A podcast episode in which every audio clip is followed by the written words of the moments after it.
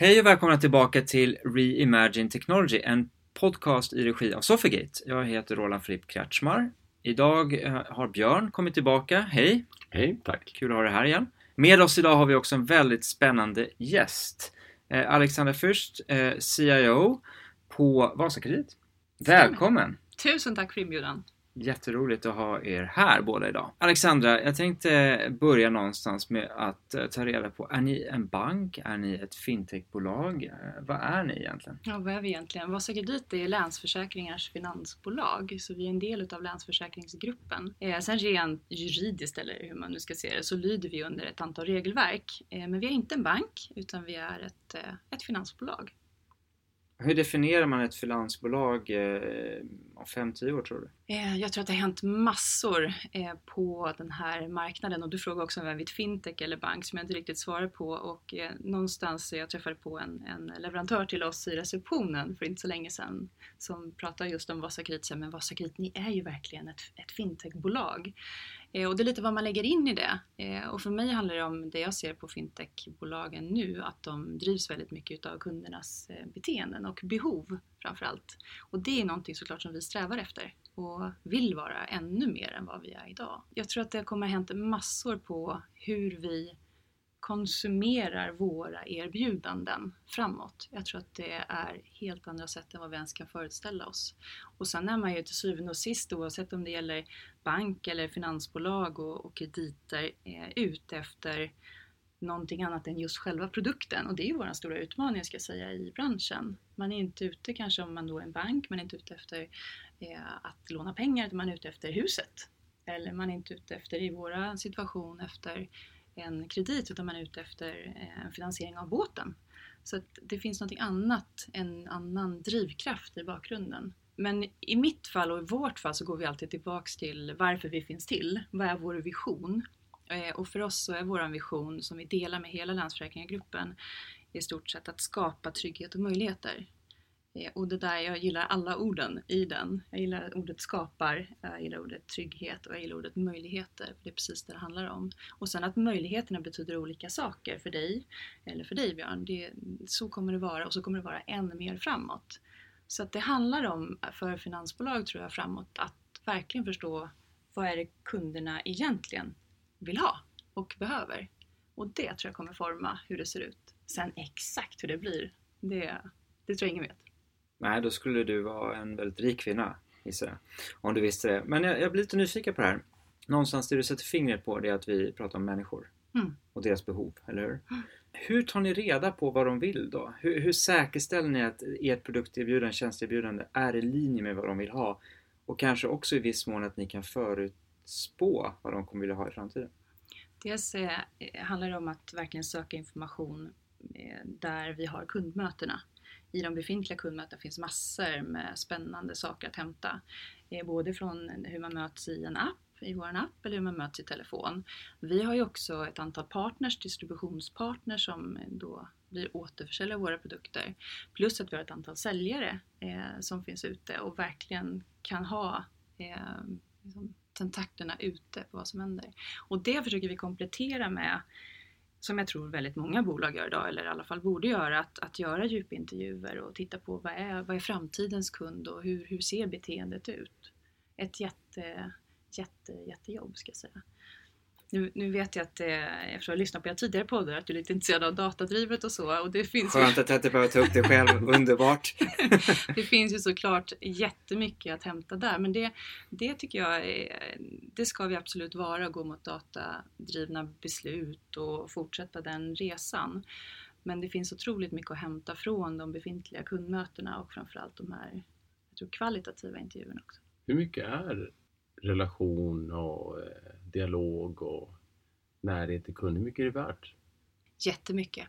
För oss jättemycket och för hela gruppen jättemycket. Våra, våra framgångsfaktorer eh, har vi snabbt, enkelt, personligt, har varit i, i jättemånga år och det sitter verkligen i DNA på alla oss på företaget. Och det där är, är häftigt för ett snabbt, enkelt, personligt är också någonting som evolverar över tiden. Vad, betyd, vad det betyder igår, vad betyder det idag och vad betyder det imorgon? Men, men om man tittar hur vi har byggt hela vår framgång så handlar det om att vara väldigt nära eh, nära kunden och använda styrkan i det. Sen att det nu förflyttar sig till digitala möten eh, och andra sätt att, att eh, träffas. Det gör ställer bara ännu högre krav på okay, vad, hur ska vi då vara lika personliga eller lika snabba eller lika enkla. Men de där ledorden ligger, ligger kvar och att vara nära affären, otroligt viktigt. Hur mycket är kunden beredd att kompromissa för att ta lite dyrare kredit men ändå ha en relation så man bygger en långsiktighet? Mm. Eh, om jag får komplettera med en komponent då, eh, som är trygghet eh, som vi har identifierat som jätte, jättecentral i hela bank och finansbranschen. Att man faktiskt känner en trygghet med att de här som har hand om min ekonomi eller mina pengar faktiskt går att lita på. Om man, om man lägger till det i den här relationsbiten som, som du pratar om så ska jag säga att det, det skiljer sig åt jättemycket vad man är beredd att betala men de allra flesta värderar det som någonting viktigt i just när det gäller sin egen ekonomi. Och men det är bara att gå till sig själv. Alltså var vill man, vem vill man ha som partner? Man vill ju kunna lita på att ens, ens bank eller finansbolag faktiskt hanterar sina, eh, mina kunduppgifter på ett säkert sätt eller ett tryggt sätt. Att inte de säljer min information till vem som helst. det finns mycket att hämta i, i den här trygghetsrelationsbiten som är viktig. Och för oss som, som ledord i det vi gör jättecentral eh, i hela länsförsäkringen som sådant har ju funnits sedan eh, innan 1900-talet. Den här långsiktigheten är någonting som vi också står för och vill värna om. Och då handlar det om att, att inte ha några quick wins utan faktiskt göra långsiktiga affärer och ha långsiktiga relationer och det angreppssättet när man går in i ett partnerskap. Om vi tittar på branschen som helhet, eh, mm. bank och finans, det händer ju väldigt, väldigt mycket. Det är det nya jättespännande. Regler, det haglar ju regelverk. Mm. Och många av dem är ju eh, för att öka konkurrensen och skapa ett oberoende så att man eh, är faktabaserad och ger långsiktiga trygga val. Hur tänker ni runt de här? Jag, jag, jag förstår 100% att ni är innanför alla de här regelverken. Det tynger ju ändå verksamheten att vara compliant mot alla de här regelverken. Är det, är det försvårande eller är det till er fördel att, att det finns de här regelverken? Det är ju till för egentligen alla regelverk. Vi kan prata GDPR eller så här PSD2, alltså Payment Service Directive, som öppnar upp för, eh, eh, för olika sätt att eh, prata med finansiella aktörer. Alla de är till för slutkundens bästa. Och tar man på sig de ögonen så blir det ganska lätt att så här, självklart ska vi ska vi göra det för att det är bra för kunden. Det som är bra för kunden är till syvende och sist också bra för oss som företag. Sen om man tittar på min roll då som affärsutveckling och IT-chef så är det så att affärsutvecklingsspåret blir ju ganska tungt utifrån så här, vi ska faktiskt hantera regelverken. Så det vi jobbar med det är den här nyfikenheten och lite innovationskraften kring okej, okay, vi ska göra GDPR. Hur gör vi den så bra som möjligt? Vad kan vi också passa på att göra? Kan vi vinkla det på något sätt? Så jag skulle säga att det ställer ännu högre krav på att jobba smart och jobba, ja, på att tänka lite nytt i varje initiativ för att kunna göra lika mycket. Sen är det ju så att det är, vi är på, vi är på samma bransch allihopa. Så att det är ju samma regelverk som, som drabbar allihopa. Men eh, jag tror, vi, vi ser att det tar utav annat som vi skulle vilja göra men vi ser också att vi gör det för någonting bra och då blir det ett annat mindset, mycket lättare.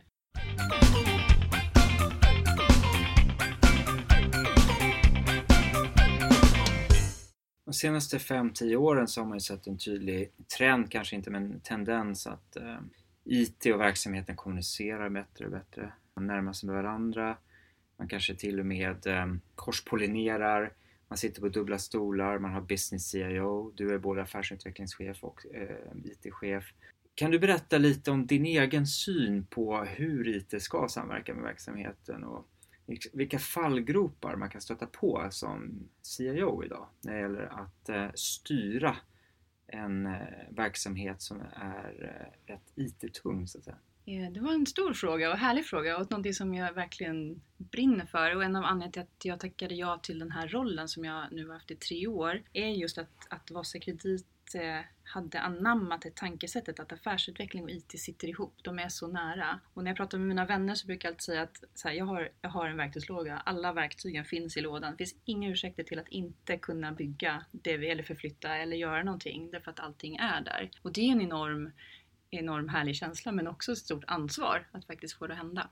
Men att komma in på några frågeställningar som du hade där. Så det vi ser funkar bäst. Vi har ju itererat, vi har liksom anammat eh, ett agilt eh, arbetssätt i våra utvecklingsteam ganska länge och det vi ser har funkat bäst när vi lär oss och förbättrar hur, hur vi jobbar, eh, så ska jag säga att när vi hittar korsfunktionella team tvärs det vill säga verkligen få med affären, få med säljet, få med verksamheten inne, få med ekonomi, få med risk, få med alla komponenter. Och prioriterar och jobbar tillsammans. Det, där händer någonting. Då blir det också mindre missförstånd, det blir enklare kommunikation, det blir lättare att göra omprioriteringar. Och tillbaks till den här omvärlden som du pratade om Björn, som vi, som vi befinner oss i med fintechbolag och trender och, och alla möjliga saker som verkligen påverkar oss och andra. Så är det ju förändringsförmågan som jag tror och vi tror kommer vara avgörande till hur du hanterar det. På individnivå då eller? Jag skulle säga på individ och organisationsnivå, mm. det vill säga att kunna ställa om. Vi har ju ett jättespännande initiativ som vi har drivit ett tag inom e-handel, business to business. Eh, låt säga att någonting skulle hända, vi ser att vi behöver stuva om det till någonting helt annat. Då finns det ju en, en förändringsbenägenhet och en, en omställningskraft redan i arbetssättet, även om det inte står e-handel överst utan någonting annat. Den tror jag jättemycket på, att bygga den förändringskompetensen. Och det låter ju lätt att säga. Eller hur? Det är ju så, ja, bra, självklart. Det är ju svårt för att eh, förändring, vi vet ju att det är väldigt få, om man tittar på forskning, som verkligen gillar förändring. Det är typ 4% som verkligen bara ställer sig på barrikaderna. Vi övriga, vi tycker så här, ja det lät ju bra men vi får väl se hur det blir. Och några vill inte alls. Så det är den största fallgruppen då, potentiellt, alltså att man är förändringsobenägen som organisation eller individ? Nej, jag tror eh, fallgropen är att inte fokusera på att skapa förändringsförmågan. Så att om du vänder på det, att, att verkligen inse att det här är någonting som vi, vi kommer behöva. Och det är ju ingenting som sker en gång som en stor storm utan snarare att det, det sker hela tiden. Små förändringar. Det är svårt så här i, i en podcast eh, för lyssnarna eh, skull då att äm, sitta och grotta ner sig i styrmodeller, operating models och så vidare. För att, äm, men, men jag skulle ändå vilja på något sätt förstå hur organiserar du hela det här arbetet när du som, som du beskriver, där IT-verksamheten blir ett. Hur ser, hur ser den liksom, styrningsmodellen ut i grova drag? Nu ska man ha ett blädderblock och lite så pennor Exakt. och sen kunna rita det för, för lyssnarna. Men mycket går ut på att eh, utgå från såklart affärsplanen. Jag ska försöka göra den här långa historien så kort jag kan, men utgå från affärsplanen. Där har vi tagit fram en IT-strategi och en IT-vision och igen, det kan vi säga, jaha jag fattar och så är det massa olika punkter i dokumentet. Bara, nej, det är max sju sidor. Det diskuterar vilka omvärldstrender är viktigast just nu, vilka styrande principer har vi? Punkt. Och det är också en filosofi som jag tror att den ska vara tillräckligt lätt för att kunna anamma i, i allt vi gör. Den får inte vara svår, men den ska också underlätta för att faktiskt kunna fatta beslut i det, i det dagliga. Men hålla den på en, på en bra nivå. Så det är den ena tycker jag, förutsättningen för att kunna göra på det sättet. Den andra handlar ju om eh, att utifrån affärsplanen se okay, vilka strategiska initiativ har vi, bryta ner dem i övergripande prioriteringar och sen få de här korsfunktionella teamen att faktiskt ytterligare bryta ner och kunna göra iterationen och därmed också ta in förbättringar i det. Så det är, en, det är en avsmalnande tratt skulle jag säga ner till en sprint eller en release. Och där är ju också, just nu har vi som ungefär varannan vecka eh, sprintar, eh, sprintplanering. Där är ju, diskuterar vi så här, hur ska det vara oftare? Ska det vara mer sällan? Vad finns det för fördelar? Hur pass eh, stora omställningar ska vi klara och i vilken hastighet? Vem ska driva digitaliseringen? Om säger? Vem ska driva de här projekten framåt? Ja, mycket ansvar ligger ju eh, hos oss som, eftersom att vi ansvarar för affärsutveckling men jag skulle säga att det är ju tillsammans med säljchef och, och verksamheten. Det är där det händer. Och som sagt, det finns ju andra regelverk som, eh, som är mer redovisningstekniska eller som vi också behöver hantera och då blir det ju, blir det drivet därifrån. Men just digitaliseringsresan och kundresan, jag tror inte på att ha bara en ansvarig utan det är, du behöver vara fler. Och generellt de flesta utmaningarna som vi stöter på i digitaliseringsstrategier, de behöver du, du kan inte lösa dem själv. Sen att kanske jag i min roll tar tag i det och, och driver det, men att faktiskt skapa dem tillsammans, otroligt viktigt för förankringen också. Varför ska vi göra det? Jag brukar ha, när jag visar bilder och har möjlighet till det, så brukar jag alltid ha en, en, en sån traditionell våg, ni vet som man lägger frukt på ena och sen lite vikter på den andra och, och, diskutera, för den symboliserar så himla mycket. Hur mycket regelverk ska vi göra? Hur mycket kanske annan typ av affärsutveckling? Hur mycket befintliga affärer ska vi fokusera på? Hur mycket ny affär ska vi göra? Det finns massor med spännande eh, trade-offs, för det är ju det som vågen då får symbolisera, som du behöver resonera. Och igen, du, du måste vara fler som bestämmer det. En balansakt helt enkelt. Det är en balansakt. Ja, många fina bilder. Det finns någon som balanserar på höghus. Det blir på vår vi videocast nästa dag. Du, när ni sätter samman de här teamen och när ni bygger er verksamhet framåt, hur tänker du runt kompetensförsörjning och mm. eh, talang? Och, vad, vad är det ni letar efter? Vilken typ av människor passar att jobba hos er? Jättebra fråga. Eh, vi har en väldigt öppen kultur och det är också tror jag det som gör det möjligt till att vi kan eh, jobba på det sättet som, som vi gör. Man är nyfiken och vill lära sig. Men sen ser jag också att där, där kompetens som som vi letar efter handlar mycket om att, att ta tillvara de här möjligheterna som finns. Både, och jag tror ju på att ha en bredd i kompetens, det vill säga ha sådana som förstår vad vi gör nu, hur det skulle kunna se ut imorgon, men också det här krydda med helt nya saker. Och inom affärsutvecklingsdelen hos mig så är det ju också eh, jätteviktigt med innovationstänket. Eh, och där jobbar vi ju dels själva med innovation men också tillsammans med Länsförsäkringar. Och det är ju tillbaks till styrkan med att ha en tillhörighet där vi kan göra helt andra typer av paketeringar. Du kanske vill ha finansiering till en bil, du vill också ha en försäkring, du vill också ha vad du nu vill ha inom, inom vårt paraply.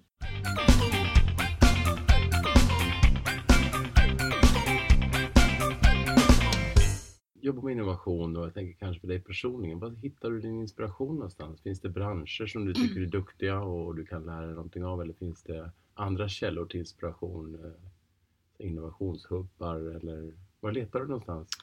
Eh, jag letar ju lite överallt. Jag är faktiskt inte så duktig att lyssna på poddar måste jag villigt erkänna. Jag får ju ändra på det nu känner jag efter det här. Men mycket är att faktiskt nätverka och träffa Eh, Eh, kollegor i branschen och utanför branschen. Jag tycker det är minst lika spännande utanför branschen faktiskt. Den bransch jag är mest nyfiken på nu det är retail.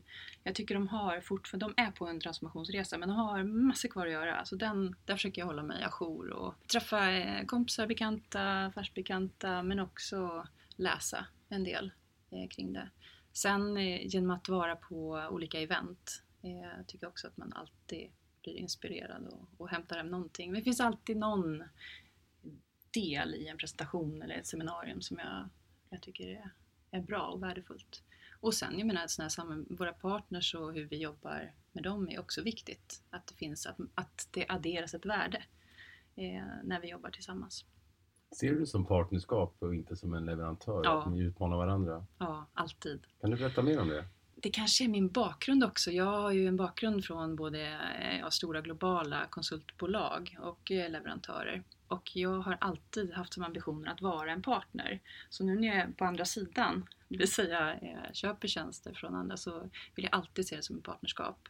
Men det är lite vad man lägger in i, i ordet. Men för mig, partnerskap handlar om att hjälpa varandra. Likväl som att vi köper en tjänst, ja men då, då har vi ett gemensamt mål kring någonting. Och att definiera och prata om det där målet gör ju att vi båda kommer dra åt samma håll. Så att jag tror på täta samarbete, jag tror på transparens, jag tror på att våga kommunicera och prata om både det som är bra och det som inte funkar så bra som vi behöver ta tag i. Det finns så otroligt mycket kraft om man vågar. Så tillbaks till så här, kultur och mod och ansvar, någonting vi pratar mycket om. Eh, modet att våga prova, modet att lyssna, modet att vara transparent. Men också ett ansvar i det, att faktiskt ta det. Annars kommer det inte hända. Det är upp till, det är upp till, till oss att skapa det, annars så kommer det inte ske. Du säger att retail är en källa till inspiration och eh, nu i veckan, idag faktiskt, så öppnade Uniqlo, den japanska eh, modekedjan, eh, sin första butik i Skandinavien här i Stockholm. Och läste en intressant intervju med grundaren som sa att, var, jag tror att det var Breakit eller Det Digital som ställde mm. frågan om vad tycker han om e-handel och den här Red Ocean inom retail och man slår ut mm. den traditionella butiksytorna och så vidare. Och han sa att det handlar inte om butiksytor och e-handel, det handlar om vem som har bäst produkt och det är den som vinner till slutändan. tycker jag var väldigt klokt. Så min fråga är givetvis till dig.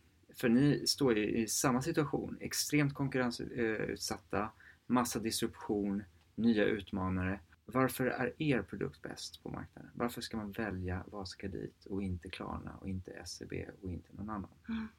Jag tror om du tittar på, på produkten bara så, så är det precis som du säger, finansiering, det finns jättemånga alternativ till finansiering. Så att igen, eh, jag kan dela det, det grundaren till Uniqlo sa men också det finns ju en twist på det och det handlar ju också om att vara där kunden är. Oavsett hur bra produkten är, finns den inte där du är så kommer inte du köpa Uniqlo-kläder, då kommer du köpa någonting annat, H&M eller, eller vad det nu kan vara. Så det, det, finns en, en viktighet att hitta mötesplatser där våra produkter, våra kunder, våra kunder som vi vill jobba med, där de finns.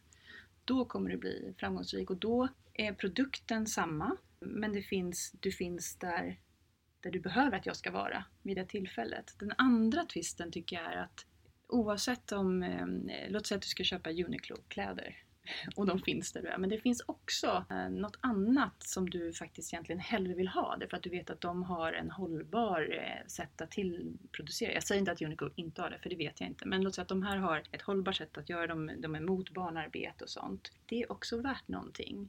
Så i den här Red Ocean tror jag att det går att den här berömda bilden på guldfisken som hoppar över till den Blue Ocean-skålen. Eh, att det går att hitta saker som skapar unikiteten. Och vad är er unikitet? Vår unikitet handlar om eh, tryggheten. Tillbaks till att vi är inte där kortsiktigt för att på något sätt skinna dig eller sätta dig i en dålig situation. Det är viktigt för oss att vi är hållbara och hållbara för dig. Det vill säga att du har råd med den här båten eller det här lånet eller vad det nu kan vara som, som du har. Och eh, också att vi tar ett, ett ansvar i sammanhanget Länsförsäkringar till samhället tillbaka. Så de bitarna, om man tittar på trender som, som finns, så är den också väldigt, väldigt stark. Och det tycker jag igen man får gå tillbaka till sig själv. Vad är viktigt när jag handlar? Köper jag eko eller köper jag inte? Och hur tänker jag kring kläder och så? Den där, där finns det någonting som skapar vår unikitet och som vi vill bygga ännu mer på. Ett, att verkligen förstå kunden och finnas där den är. Men två, faktiskt vara ett ett tryggt och bra alternativ. Det är så här, tryggt, det låter ju lite trist, eller hur? Men det, det, det beror helt på vad du laddar det med. Jag tycker att det låter rätt eh, klokt. Vi grottar ner mig lite mer. Konsumentmarknaden har ju varit eh, rätt konkurrensutsatt. Men det finns eh, andra möjligheter. Exempelvis småbolagsmarknaden. Eh, business to business. Hur ser ni på den marknaden? Och var befinner sig de här kunderna? Var hittar man dem? Hur, hur bygger man förtroende hos dem? Jätte jätteintressant fråga. Vi har en stor satsning som jag kort nämnde som heter e-handel business to business och det är precis, precis det. Och här, här går alltid igång lite för det handlar om de här nya ekosystemen som man kan eh, skapa och det handlar om nya positioner. Och för oss att, att kunna ta en, en partner eh, som kanske, vi tar ett exempel, säljer eh, vad vet jag, restaurangkök som har en butik som är öppen 8 till 17 och då kommer restauranger in och beställer olika saker. Att flytta den här restaurangköksåterförsäljaren till nätet bara den win och det värdet som det faktiskt ger. Och att restaurangen som sådan kan beställa sin pizzaugn eller vad det nu är som man behöver på nätet som en leasing. För det är ingenting som du cashar eller som du betalar på kort kanske eller, eller faktura. Du vill ha en ett månadsupplägg, leasing eller en avbetalning. Det är hela vår grej med e-handeln och där finns det jättemycket att göra och speciellt för SME-bolagen ska säga, som är den stora massan av företag i Sverige. Att verkligen lyfta, stötta dem i digitaliseringsresan, skapa fler affärer, öka, öka exponeringen utav deras tjänster. Istället för att öppna 8 till 17 på plats så ser vi också de affärer vi gör med handel business to business, de landar ofta söndagar eller kvällar på vardagskvällar. Hur tänker ni på iZettle som eh, också bearbetar småbolagsmarknaden och Klarna verkar gå in där också? Det kommer ju bli kanske lite Red Ocean där. Det kommer det säkert bli. Det finns ju inga, alltså nu är vi ju, herregud, 2018. Det är väldigt svårt att ha en unikitet tror jag länge.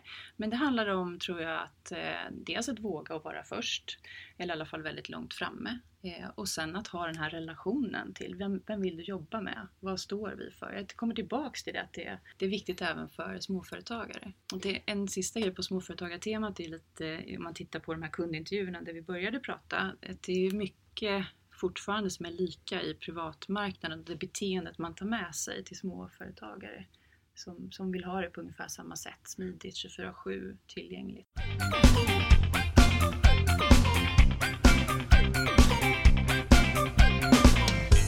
Du, av den nyfikenhet. Hur bedömer man kreditvärdighet? Hur mycket av det är maskinellt och hur mycket handpåläggningar? If I tell you I have to kill you. Nej, Nej jag skojar bara. Väldigt mycket, det, det, är lite olika filosofi. Det är en, en avvägning mellan de här snabbt enkelt personligt eh, skulle jag säga i den. Om man tittar rent affärsmässigt så är det klart att vi vill ha allting maskinellt och bara säga ja, nej, ja, nej, ja, nej. Då blir det snabbt och det blir säkert enkelt för oss. Men det blir inte så himla personligt för att det kanske faktiskt finns någon eh, anledning eller det går inte att, att, göra en scoring som, som talar om och bedömer dig Björn på det sätt som du förtjänar. Så att eh, det finns vissa områden där vi säger här ska vi vara så gott som 100% och där vi säger andra områden som vi säger här är faktiskt viktigt för oss att, att göra en, en personlig bedömning. Jag tänkte säga men en, en, en annan, inte en maskinbedömning utan en, en manuell bedömning av dig. Och det, sen var, det finns ju massor med parametrar man tar hänsyn till och tittar på i en i en kreditbedömning. Kan man finansiera vad som helst hos er? Nej, det kan man inte göra.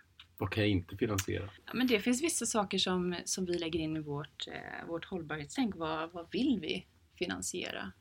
Jag har faktiskt inget jättebra exempel med mig men, men det skulle kunna vara alltså sånt som är en gråzon eh, etiskt moraliskt som vi kanske inte skulle vilja eh, ge företag finansiering till. Och privatpersoner? Där är ju lite styrt till de de sakerna som vi har finansiering på, bil, båt, eh, eh, skotrar, sådana saker. Snarare än att det är finansiering på vad som helst. Så vi väljer ju vilka partners som vi jobbar med när det är objekt, som vi kallar det, alltså saker som man finansierar. Allt ifrån kök till som sagt bilar och båtar. Hur långt kan man gå med det där? När, när kan en så att säga, belåningsinstitut eller en banktjänsteman eh, blanda in sina egna åsikter? Jag tänker så här. Eh, det pågår en debatt ifall nötkreatur är skadliga för miljön. Mm. Så säger man att man vill finansiera då köpet av en, en bondgård med nötkreatur. Och så sitter då någon subjektivt på andra sidan och värderar det här att säga, nej men det här det är ju faktiskt inte hållbart, det är inte okej. Det här kommer bara förstöra för framtiden och mina barnbarn. Så, ja, avslag. Extrem exempel, ja. jag vet men Ja, men intressant frågeställning och det är väldigt ska jag säga, styrt vad som gäller vid, vid eh, kreditbeviljning. Men igen, det är så här, Just om nötkreatur finns upptaget, det vågar jag inte svara på. Eh, men det är väldigt styrt kring, kring vad är okej och vad är inte okej. Och det tror jag är bra. Det är ju igen de här, eh, inom de här ramarna så kan du vara eh, personlig tänkte jag säga, men, men ge krediter. Men det här, är inte, det här gör vi inte. Så att absolut att det finns en sån styrning. Det måste det nog finnas tror jag. Mm. Hela branschen är väldigt, väldigt digital idag. Mm. Det går ju knappast att bli mer digital. Eller går det? Absolut, det går. Eh, jag tror för vår del, vi ser att vi är väldigt digitala på vissa områden och på vissa områden så känner vi att här skulle vi behöva göra mer. För att svara på den ena, ena biten. Den andra är att vi, jag tror inte vi har sett ens eh, 10% utav vad digitalisering egentligen innebär. Jag tror det finns massor med saker kvar att göra. Och då tillbaks till vårt samtal kring vad behöver vi då vara? Vi vet inte exakt hur det där ser ut. Så vi behöver vara redo till att anamma vad, vad som än kommer. Vi ska ha en kick-off här i, i, nästa vecka för, för vår avdelning och då kommer jag börja med en bild som en raftingflotte. Du vet, man sitter i en gummibåt och så och sitter alla och paddlar och paddlar och forsen, du vet, den, är, den strömmar och virvlar och, och verkligen, man, man, har ingen koll. Och mitt budskap där är väl lite samma som budskapet här, att det, det är så föränderligt och vi, man kan försöka lägga planer och det tycker jag fortfarande man ska göra. Men man måste gå in i planerna med en insikt om att de kommer ändras. Det är det enda vi vet, det är att vi kan inte säga vad som kommer hända 2023 2023 eller 2030 eller när det nu är. Utan vara redo för att börja paddla åt ett annat håll i den här flotten tillsammans. Och kunna igen då ställa om den till vart vi nu, vart vi nu ska. Kommer den framtida digitaliseringen då vara intern och mot partners eller ser du att den kommer även att vara mot kund? Jag tror att det finns eh, mer, alltså jag tänker på eh, IoT-benet, tycker jag finns saker kvar att affärsutveckla kring. Eh, jag tror inte vi har sett riktigt allt där än. Eh, men antal, antal uppkopplade saker och ting växer ju liksom exponentiellt år efter år. Men det finns jättemycket kvar att utforska där. Både kring så här, hur, hur skulle det påverka vår kreditgivning och skulle man koppla upp båten på något visst sätt och kan man koppla till förbrukning istället? Så det, jag tror vår bransch, både bank och finansbranschen, eh, finns mycket mycket som vi inte ens kan föreställa oss.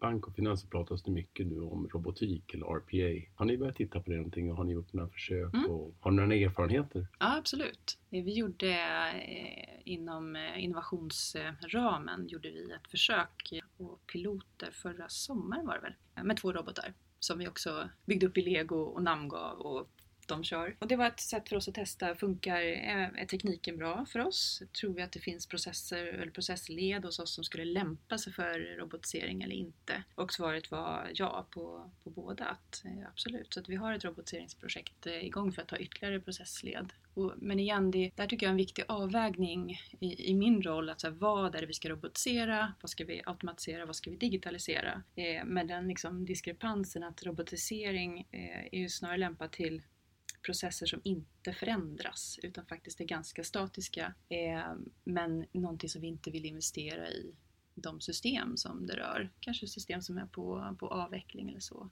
Är det, är det annars att vi tittar på en digitalisering då ser vi verkligen att det här är en framtidsaffär eh, eller framtidsdel, framtidsprocess som vi faktiskt kommer vilja digitalisera på ett annat sätt. Så den där, det behöver du ta med dig. Nej, Robotisering är inte svar på allt är svar på en viss del för oss. Hur tänker ni runt AI och machine learning? Har ni testat det någonting? Eh, nej, det tycker jag inte vi har testat på samma sätt. Vi har gjort ett litet testskott på machine learning, men där eh, av olika anledningar så är det att den får vänta lite, så där är vi ganska oprövade just nu. Men någonting som vi verkligen tror, speciellt med vårt, eh, jag brukar kalla eh, att vår kultur vårt hjärta och kreditgivning vår hjärna. Och just det här vår hjärna kring hur vi ger krediter och machine learning är superspännande. Där finns det saker att göra. Lite som avslutning, avrundning på, på dagens samtal. Jag fastnar med den här forsbilden och blir lite peppad på att testa forsändning någon gång. Vi själva leker lite med tanken att kanske IT-strategin är död. Och att på något sätt eh, det, det är en konsekvens av digitaliseringen. Vi brukar säga att eh, innovation culture eats IT strategy for business. Eh, for breakfast menar jag såklart. Hur, eh, hur agerar du som ledare, som chef, som, som, som kollega för att få med dig Eh, dina kollegor i, på den här eh, transformationsresan? Vilken härlig sista fråga. Det handlar om eh, där vi står och att vi inte vet exakt vad som kommer hända så handlar det mycket om kommunikation. Det kokar ner till, till det. Vi startade upp i, i min avdelning en, en ny grupp från årsskiftet som heter just kommunikation och förändringsledning. Sen är det en ny en sanning modifikation men just förändringsledningsdelen är ny därför att det är en så viktig del utav det vi står inför och skapa den här förändringsberedskapen. Att det kommer hända någonting, vi vet inte riktigt vad, men ja, det som kommer känner mig trygg med att vi tillsammans fixar. Så att det finns kommunikation, att eh, förklara och förenkla svåra saker. För det, det vi gör, IT, det är komplext. Affärsutveckling kan också vara väldigt komplex, men att förenkla det och ta det till någonting som faktiskt går att eh, ta till. Så mycket tillbaks till kommunikation med den här bilden på forsen eller vågen eller att, att försöka beskriva vad står vi inför. Och sen den här skapa en gemenskap och en känsla om att vi är där tillsammans. Därför att om man tittar på det själv, om du säger så machine learning, att inte på den mer, så att känna sig trygg. Men jag vet varför. För att vi gjorde ju det här valet. Men absolut, det är spännande och intressant och kommer, kommer vi ta till oss.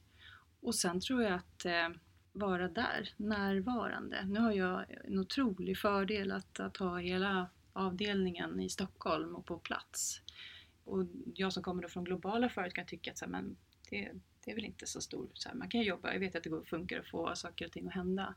Men det är häftigt att kunna samla alla med kort varsel i en liten aula och, och ha ett budskap eller diskutera kring svåra saker. Det vi också i, min, i mitt ledarskap försöker etablera ännu mer, det är enkla grejer. Jag tror ju på enkla saker. Två stycken konkreta verktyg som jag verkligen tror på eh, och som vi har använt på avdelningen. Det handlar om eh, den första prao. Det vill säga att hela tiden fylla på med kunskap. Därför att det händer saker där. Och det handlar om att praoa på kreditavdelningen eller sitta medlyssning på kundtjänst eller följa med en säljare ut eller vara på ekonomi. För att förstå hur allting hänger ihop. Det, det är så viktigt. Eh, speciellt inom, inom IT skulle jag säga. Och den andra är feedback. Att våga eh, ge feedback till andra och våga också ta emot feedback. För det där stärker kulturen och det stärker också beteenden och saker vi vill ska hända. Och faktiskt få höra att så här, fasen det där var riktigt bra. Det var riktigt bra Roland. Eller ja, jag nästa gång tycker jag du ska tänka på det här. Tack! Eh, bra feedback! eh, det här var Alexandra Fürst, eh, CIO på Vasa Kredit. Jätteroligt att ha det här idag. Tack så mycket! Och tack till dig Björn! Tack! Och eh, det här var i sedvanlig ordning Reimagine Technology, en podcast av Sofigate och jag heter Roland Fredrik Kratschmar. Tack!